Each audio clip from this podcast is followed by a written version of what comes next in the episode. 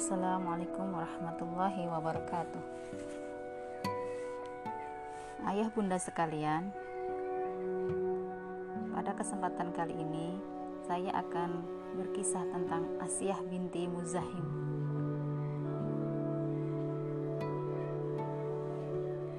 Menjadi wanita surga bagi seorang wanita tidaklah mudah sebab Rasulullah Shallallahu Alaihi Wasallam menyatakan bahwa saat beliau diperlihatkan neraka, beliau mendapati mayoritas penghuninya adalah wanita. Sebaliknya, saat beliau diperlihatkan surga, betapa sedikit wanita yang berada di sana. Meskipun sulit, tidak berarti tidak bisa bagi kita yang mau berusaha hanya perlu saling berlomba agar kita termasuk dari yang terseleksi oleh Allah untuk meraih surganya. Kita bisa belajar dari beberapa sosok yang telah mendapatkan berita gembira dari Allah Subhanahu wa taala atau Rasulullah berupa nikmat surga. Di antaranya adalah Asiyah binti Muzahim, istri Fir'aun sang raja Durjana. Kenapa? Rasulullah Shallallahu alaihi wasallam bersabda, orang yang sempurna kemuliaannya dari kalangan laki-laki banyak. Namun, wanita yang sempurna kemuliaannya hanyalah Asyah, istri Fir'aun, dan Maryam binti Imran. Dan keutamaan Aisyah atas semua wanita seperti keutamaan sarid, jenis roti terbaik, atas segala makanan. Asyah binti Muzahim istri Raja Fir'aun yang dijadikan simbol sebagai seorang istri penyabar adalah sosok wanita yang patut diteladani dengan segala keteguhan dan kesabarannya. Meskipun beliau telah mendapat perlakuan buruk dari suami sekaligus rajanya. Dia bukan sekedar seorang istri biasa, pendamping seorang lelaki yang luar biasa ia adalah seorang ratu bermahkotakan emas, berhias berlian dan permata. Dialah ratu Mesir kuno yang wilayahnya bak surga Allah di dunia. Asiyah binti Muzahim rela meninggalkan kemewahan hidup di istana megah demi menitai jalan rohnya. Sungguh beliau telah mengalahkan seorang lelaki yang dengan kesombongannya yang mengaku sebagai Tuhan semesta alam Dialah Asyah binti Muzahim. Dia berasal dari sebuah kabilah Arab di Jazirah Arabia. Ayahnya adalah seorang raja di antara sekian kerajaan yang tunduk di bawah hukum Mesir dan pada zaman kejayaannya. Di antara kebiasaan raja-raja dahulu adalah saling menjalin hubungan kekeluargaan dalam bingkai pernikahan. Jatuhlah pilihan Firaun untuk menyunting putri Asia yang kemudian memiliki tempat istimewa di hatinya daripada istri-istrinya yang lainnya. Walaupun Asia adalah seorang wanita yang mandul dan tidak bisa, bisa memberinya putra. Semula Asia adalah satu-satunya wanita yang sangat dicintai oleh Raja Fir'aun.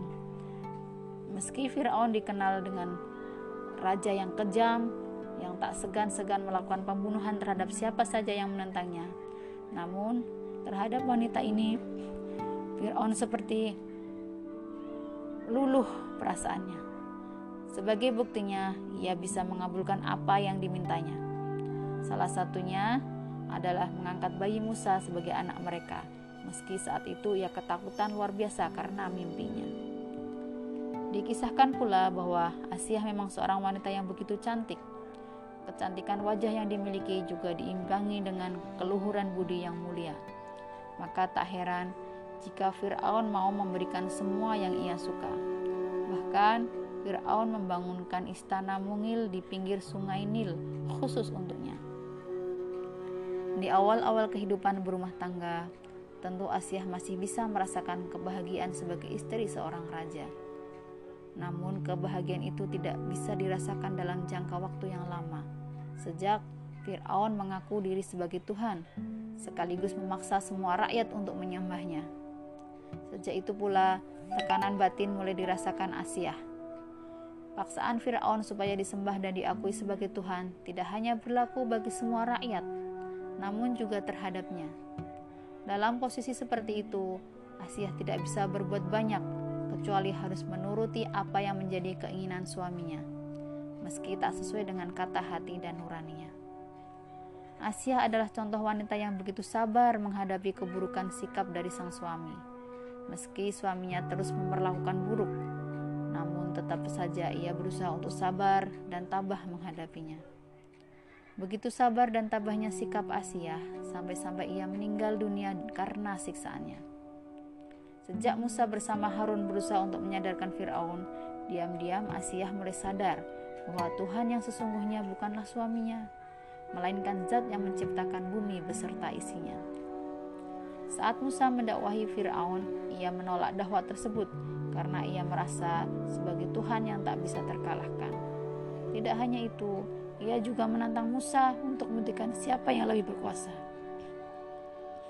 Ia mengumpulkan penyihir-penyihirnya untuk bisa mengalahkan Musa. Pertandingan di tempat terbuka pun dimulai. Berakhir pada kekalahan para penyihir Firaun bahkan mereka semua tunduk kepada Nabi Musa alaihissalam. Diam-diam, Asyah turut menyaksikan pertandingan tersebut dan mulailah ia meyakini ajaran agama yang dibawa oleh Musa, anak angkatnya. Bertahun-tahun lamanya ia memendam ketidakpercayaan terhadap suaminya yang mengaku sebagai Tuhan. Peristiwa yang baru disaksikannya adalah sebagai bukti dari kekuasaan Allah yang mampu membuka mata batinnya untuk menerima keimanan sebagai pegangan hidup. Ketika itu, Asia menyatakan diri sebagai muslim. Bahkan dia juga berani bertemu berterus terang kepada Firaun yang akhirnya ia harus menerima siksaan yang tak pernah ia duga. Firaun pun muka dan menjatuhkan hukuman kepadanya. Ia perintahkan algojonya agar melakukan penyiksaan kepada Asia yang olehnya dianggap murtad dari agamanya. Tubuh Asia ditelantangkan di atas tanah di bawah terik matahari. Kedua tangannya diikat kuat ke tiang agar tak lari. Wajahnya pun dihadapkan langsung ke arah sinar matahari dengan harapan akan meninggalkan agama yang baru diyakininya. Namun Allah Subhanahu wa taala tidak akan pernah membiarkan hamba yang menyembahnya menderita. Setiap kali para algojo meninggalkan Asia, segera malaikat menutup sinar matahari yang menyengat tubuhnya sehingga langit menjadi teduh dan panas tak terasa olehnya.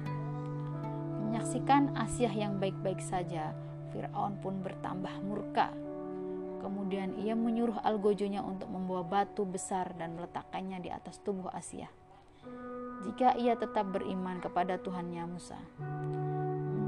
menyaksikan itu, Asyah mendongakkan kepada kepalanya ke langit seraya berkata, Ya Robku, bangunlah untukku sebuah rumah di sisimu dalam surga dan selamatkanlah aku dari Fir'aun dan perbuatannya dan selamatkanlah aku dari kaum yang zalim. Hal ini sebagaimana disebutkan dalam sebuah riwayat dari Abu Hurairah radhiyallahu an bahwa Rasulullah Shallallahu alaihi wasallam bersabda yang artinya sesungguhnya Firaun mengikat istrinya dengan besi sebanyak empat ikatan pada kedua tangan dan kedua kakinya. Dan saat ia telah meninggalkan Asia terbelenggu maka para malaikat malaikat menaunginya ketika itulah ia berdoa dengan doa di atas.